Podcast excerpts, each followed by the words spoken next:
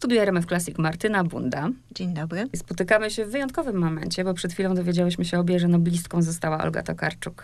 Więc od razu pytam cię o wrażenia.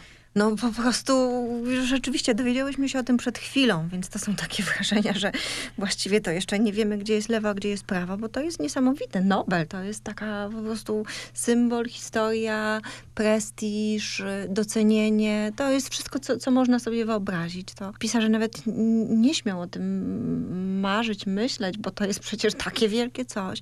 To jest też piękna historia o, o wierności sobie. Olga Tokarczuk to jest osoba, która konsekwentnie konsekwentnie szła swoją pisarską drogą. To jest bardzo ważne wsparcie dla wszystkich innych, którzy idą drogami okrężnymi, nieprostymi, nieoczywistymi. Jej pisarstwo było zawsze jej.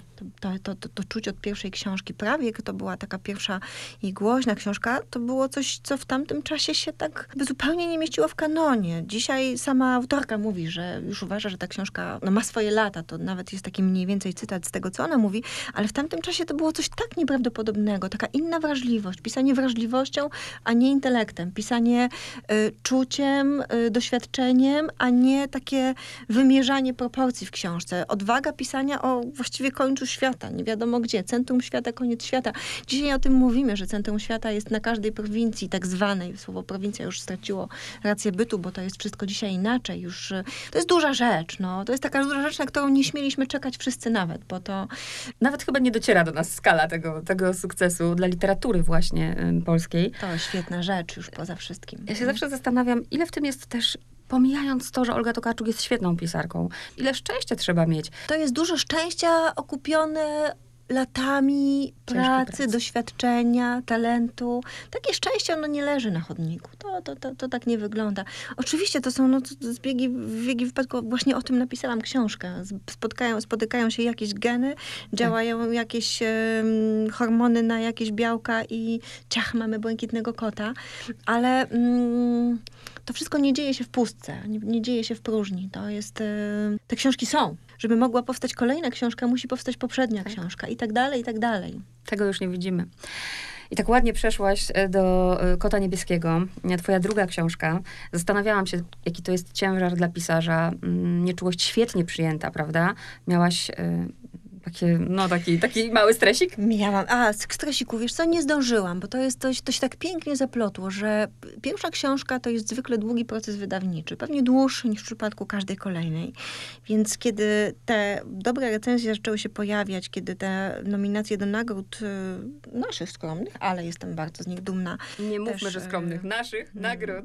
Też zaczęły się pojawiać, to ta książka już, y, jakby to ziarno już, już kiełkowało, ta, to, to, to, to małe drzewko już rosło. Ja miałam dużo stresu wcześniej, to znaczy stresu, dużo jakby wątpliwości, to znaczy wydawało mi się, że porywam się na coś niedorzecznego, bo rzeczywiście to jest dość niedorzeczne pisać książkę o ludzkiej potrzebie spotkania z duchowością, rozwlekać to od średniowiecza po współczesność, a jeszcze w dodatku oplatać wokół niebieskiego kota szarego. To, to, te koty rzeczywiście się urodziły, ale no, to są ka kaskady różnych, różnych zdarzeń. Kiedy przeczytałam, bo to jest też fajna moja przygoda z twoją książką. Usiadłam do jej czytania, pamiętam i przeczytałam jedno zdanie, Błękitny kot, ostatni z dzikich szartrosów widzianych na Kaszubach, przyszedł na świat w Kartuskim Lesie w roku 2015. I co ja zrobiłam? Odłożyłam książkę po tym pierwszym zdaniu i bam do sieci. I szukam, i szperam. Ja mówię, no jeśli tak, i szukam jakiejś informacji prasowej. No i mówię, nie ma. Ale natrafiłam oczywiście na strony o kotach e, niebieskich, kartuskich i tak dalej, hodowanych rzekomo w zakonach. No to ty mi teraz powiedz, jak z tym kotem było w 2015 znalezionym. To jest prawda, tylko to jest ta, ta codzienna, prosta prawda, o której nie pisze się w gazetach, a tym bardziej nie w qui Paddy pod kartuzami, wieś, krzaki, przy domu, kotka, taka półoswojona domowa kotka z kocurem wszystkim znanym Bach Kocięta.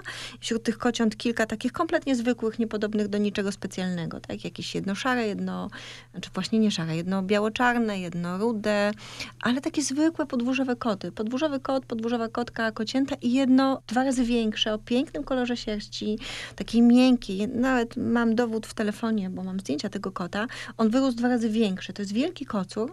Moja przyjaciółka, y, która tego ko- kociaka, a potem kocura wzięła do domu, y, doszukała się, że istnieje w ogóle taka rasa jak kot kartuski i że to jest dokładnie ten kot. On ma nieprawdopodobne cechy, bo on na przykład łazi za człowiekiem. Jak się przypnie do człowieka, idzie do kuchni, do łazienki, do piwnicy, na podwórko i taka jest jego specyfika. A żeby słuchaczom przybliżyć, żeby sobie wyobrazili tego kota niebieskiego, to jest coś podobne do tych kotów... mm, Między rosyjskim a brytyjskim, tak. Przy czym to, to kiedyś była to w średniowieczu i trochę później była popularna rasa. One nawet były nazywane przez chwilę uśmiechniętymi kotami Francji, bo one rzeczywiście mają taki uśmiechnięty wyraz pyska. Ale oczywiście ten kot jest też metaforą. To znaczy zaczęło się od fascynującego zwierzęcia, od takiego zdumienia tą, tą, tą dziwnością świata, że tutaj krzaki, tu zwykłe koty, tu pod kartuzami i bach.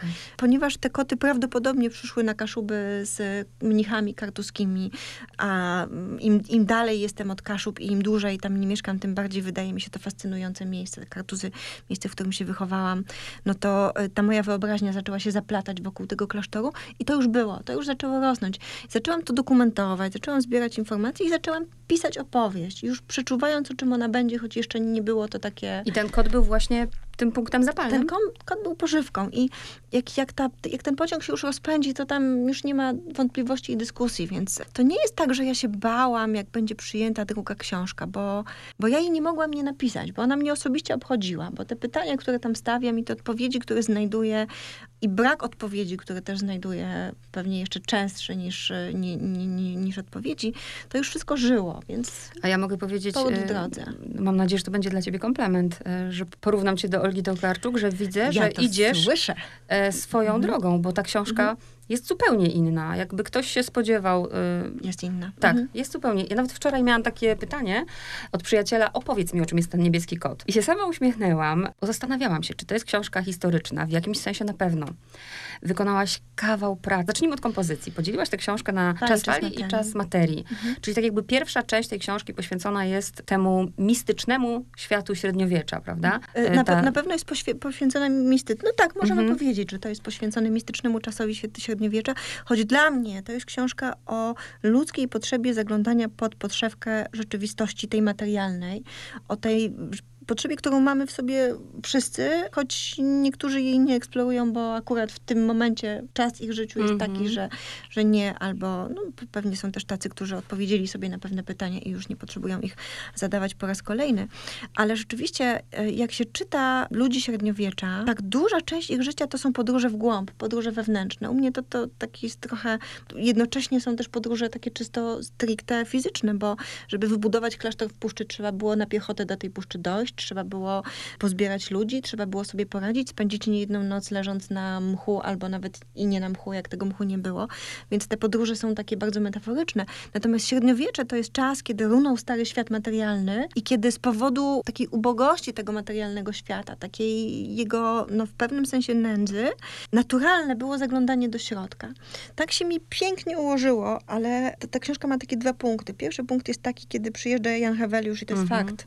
Do klasztoru w Kartuzach opowiada, że gwiazdy już niestety zostały zmierzone, policzone i kompletnie rujnuje I ten e, zbudowany świat ru- rujnuje świat materii, To, prawda? ten, ten, ten świat materii rujnuje świat ducha, Tak. po czym jest taka klamra mm, kompozycyjna, oczywiście to wszystko ma jakiś, mam nadzieję, sens też narracyjny, ale ten sam gatunek ludzki dochodzi do momentu, kiedy buduje rakiety, wsiada w nie, leci w kosmos i to jest coś nieprawdopodobnego, bo ci bardzo trzeźwo myślący o życiu, przebadani na wskroś psychologicznie astronauci, wolę to słowo niż kosmonauci, ale wszystko jedno, lecą w kosmos, patrzą na Ziemię z odpowiednio dużej odległości i doznają kompletnie mistycznych stanów. To jest strasznie częste zjawisko u nich, że oni nagle czują się częścią, opisują te stany dokładnie tak, jak opisują je średniowieczni mistycy. To znaczy, że my to gdzieś mamy w sobie, że mamy do tego dostęp. Czas fali jest tym czasem tych podróży, po czym zaczyna się długi czas materii i oczywiście mogę sobie pozwolić na to, bo, bo jako pisarce mi wolno, ale mam takie wrażenie, że wiele wskazuje na to, że my jesteśmy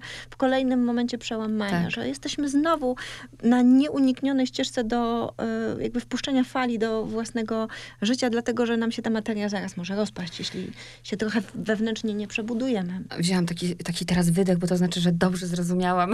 o to właśnie chodzi. Ja, ja to nazywam takim, nie wiem czy słusznie, takim kołem wiecznego powrotu, prawda, takiego przenikania się. Chcę wrócić też do, bo to jest fascynująca historia, taka naprawdę historyczna, że pokazujesz początki tego klasztoru. Rozumiem, że spędziłaś długie godziny w jakichś archiwach, śledząc, badając jakieś dokumenty. Ja miałam dużo szczęścia i kartuzy miały dużo szczęścia, więc nie musiałam spędzać czasu w archiwach. Po prostu skorzystałam z najstarszej metody znanej wszystkim dziennikarzom, czyli weszłam na portale typu Allegro Elix i pozbierałam wszystkie wydania książek lat 70. Wsparłam się też y, sugestiami ludzi, którzy się znają na historii Pomorza, podpowiedzieli mi, co warto, a na co nie warto przeznaczyć czasu. A szczęście miałam podwójne, dlatego że książki historyczne poświęcone zakonowi są bardzo ciekawe i bardzo precyzyjne. Dlatego, że sam zakon miał szczęście Mhm. do... W zakonie byli ludzie, którzy bardzo dużą wagę przywiązywali do sporządzania archiwów. To było trudne, bo ten zakon wielokrotnie płonął, y, przetaczały Tak. się tam takie ilości wojen, wojsk, że aż z dzisiejszej perspektywy to trudno nam w to... Ty o tym piszesz na jednej stronie właściwie, ale, ale Mhm. faktycznie też miałam takie uczucie, że to przetrwało. To jest niesamowite, ile, ile ci ludzie. Wyobraźcie sobie Państwo, taki, tak, że wypada Wam żyć w takich czasach, że co, co roku przetacza się 5 tysięcy żołnierzy, czy też nie wiem, czy to już można nazwać żołnierzami. No w każdym razie nie bawmy się w te historyczne niuanse. W każdym razie przetacza się pięciotysięczne wojsko przez Wasze podwórze. Tak mniej więcej co rok. I tak, I tak w kółko. No w każdym razie archiwa się zachowały, były bardzo kompletne, bardzo precyzyjne. W kolejnych pokoleniach pojawili się następni ludzie, którzy mieli ochotę w nich grzebać i zrobić tą robotę, której ja już nie musiałam. To znaczy spisać to w bardzo, bardzo, bardzo ciekawe książki historyczne. Powiedz, skąd pomysł na to, żeby i w świecie materii, i w świecie fali poukładać to, mm, te rozdziały imionami właśnie i historiami? Wiesz, to są już takie, to są już takie niuanse porządkowe. To znaczy, to jest mój wieloletni nawyk redaktorski, też reporterski, że tekst jest dla czytelnika i trzeba mu, y, jakby dając mu to, co się chce dać, y, zwłaszcza jeśli książka jest trudna, jeśli przesłanie jest e, takie trochę bardziej skomplikowane, bo to nie jest kryminał. Mhm. Nie chodzi o to, żeby wyśledzić, nie domyślić się do samego końca, kto zabił, tylko trochę takimi ciemnymi ścieżkami prowadzę tą opowieść, bo żeby dodatkowo czytelnika nie męczyć. To są takie proste powody, tam już nie ma więcej. Bo z jednej strony ktoś może to przeczytać naprawdę jako taką, nie wiem, historię ciekawą, prawda? Miałam taką A, nadzieję, że tak, to też może być po prostu tak, opowieść. tak, tak. Po prostu opowieść o losach ludzkich w okolicach klasztoru. Wielbłąd jest historią autentyczną. Rzeczywiście po którymś wojsku w, podpro, w, podpro, w Prokowie, wsi pod Kartuzami został wielbłąd przy chałupie, był używany do orania pola. To wszystko jest w tych archiwach. Mhm. Rzeczywiście wykopywano brata z podchóru, a dlaczego to już y, odsyłam do książki. No tak. taka obyczajowość, bardzo też intymne momenty są w tej książce, to też właśnie z tych, z, wszystko czerpałaś z tych... Obyczajowość musiałam zbudować z wyobraźni, ale oczywiście, żeby budować średniowiecze, to potrzebowałam tych konkretnych klocków. No, nie byłoby rozsądne to budować z jakby budować świat, który rzeczywiście istniał, który ma swoje konteksty historyczne tylko z wyobraźni, to byłoby Mm. niewłaściwe. Natomiast to nie jest książka historyczna, bo gdybym miała pisać książkę historyczną, to po pierwsze chyba bym się, by mi się tak, mm, to by było strasznie żmudne zajęcie, ale gdybym już to miała robić, to pewnie starałabym się odtworzyć taki kontekst mentalny ludzi, którzy tam żyli. A gdybym to zrobiła, to z kolei ja piszę o uniwersalnej ludzkiej potrzebie i jestem przekonana, że ona jest taka, jaka była od zawsze, bo jak wracamy do tekstów sprzed Chrystusa, to te wątki już tam są. Ten wątek y, potrzeby zajrzenia pod tą podszewkę, ten wątek, y, są też te sygnały, że doświadczenia, my to nazywamy mistycznymi, to jest bardzo ryzykowne słowo, bo to znaczy, że jakaś szajba, że jakiś po prostu nie wiadomo co, ale jednak wielu z nas, na przykład doświadczenie uni- uniwersalnej miłości, to się bardzo często zdarza i to jest doświadczenie powtarzalne w każdej religii. Można do niego dojść, można je wypracować, a można je po prostu znaleźć zupełnie przypadkiem. Skąd pomysł na taką stylizację? Bardzo dobrze się to czytało. To jest, to, to jest już kwestia wyczucia, bo to, to jest śmieszne, bo też słyszałam o tym, że jak się otwiera, otwiera tą książkę bez spojrzenia na e, pierwszą stronę i bez wiedzy, kto jest autorem, to spotkałam się z takimi głosami, że ten język jest rozpoznawalny, ale jednocześnie ja się starałam go przestylizować, tylko nie chciałabym przesadzać, bo to, to nie chodziło mi o to, żeby przeszkadzać czytelnikowi. A skąd się bierze ten język, to jest czysto intuicyjne. No po prostu No. być może jakiś wpływ miała ta ogromna kwerenda historyczna, którą zrobiłam, te dziesiątki książek, które przeczytałam. Może coś mi się tam osadziło. To jest też kwestia wyczucia. Wiadomo, jakie słowa nie istnieją w jakiejś epoce. Nie można powiedzieć, że ona była w ciąży, no bo to są takie detale, że pisz, starałam się to pisać językiem uniwersalnym i dość przeźroczystym, unikając słów, które w tamtej epoce nie istniały. Mhm. Do pewnego momentu pojawia się rok pański, od któregoś momentu rok pański znika, Tak. bo czytelnik dowie się dlaczego. No i tak, My nie będziemy oczywiście opowiadać e, treści, ale też nie chcę, żeby czytelnik się przeraził, jeżeli ja powiem, bo ja akurat bardzo lubię, od tego zaczynałam swoje studia, e, nie chcę go przerazić mówiąc, ale ja bym nazwała to książką filozoficzną. No ja mam nadzieję, bo ona, bo, bo ona się wzięła z pytań, które są na pewno z dziedziny filozofii. Pytań o sens, pytań o dobro i o zło. Pewnej mierze z odpowiedzi, które znalazłam, ale też z takiego przeświadczenia, ważnego mojego doświadczenia życiowego, które pewnie na reportażu jest zbudowane, że mało co tak jest w stanie nas sprowadzić na manowce z naszym dobrem i złem wewnętrznym, które wszyscy mamy, jak e, takie zbytnie, jakby zbytnia wiara po, po, pokładana w tym, że jesteśmy dobrzy, że skoro już coś poświęciliśmy, że skoro już tyle daliśmy, że skoro odpowiedzieliśmy ludziom na pytania, które oni nam zadali, skoro się zajęliśmy, wykazaliśmy empatią i tak dalej, to znaczy, że, że jesteśmy biali, bo to, to tak nie jest. To ci moi bohaterowie to im bardziej, z tymi doświadczeniami duchowymi też jest tak, że one, jak już człowiek je ma, to one, one też mogą być w jakimś sensie niebezpieczne, bo, bo już się człowiekowi wydaje, że on już, już jakąś drogę przeszedł, on już doszedł i on już jest y, teraz w, w odpowiednią osobą do wydawania, do decydowania, co jest dobre, co jest złe. A w rzeczywistości to tak. Zastanawiałam się też, bo czytelnik ma to w sobie. Mówię czytelnik i myślę też o sobie. Jednak taką, taką ciekawość, co jest prawdą, co tą prawdą nie jest. Rozumiem, że tu jest część prawdą, a część prawdą nie jest. Po prostu. Fizyka kwantowa jest prawdą, odwiedziny Heweliusza są prawdą, bomba atomowa jest prawdą, wiele postaci historycznych to są prawdziwe postaci, realia historyczne są prawdziwe, a opowieść mam nadzieję, że jest uniwersalna. Martyna Bunda, bardzo dziękuję. Dziękuję bardzo.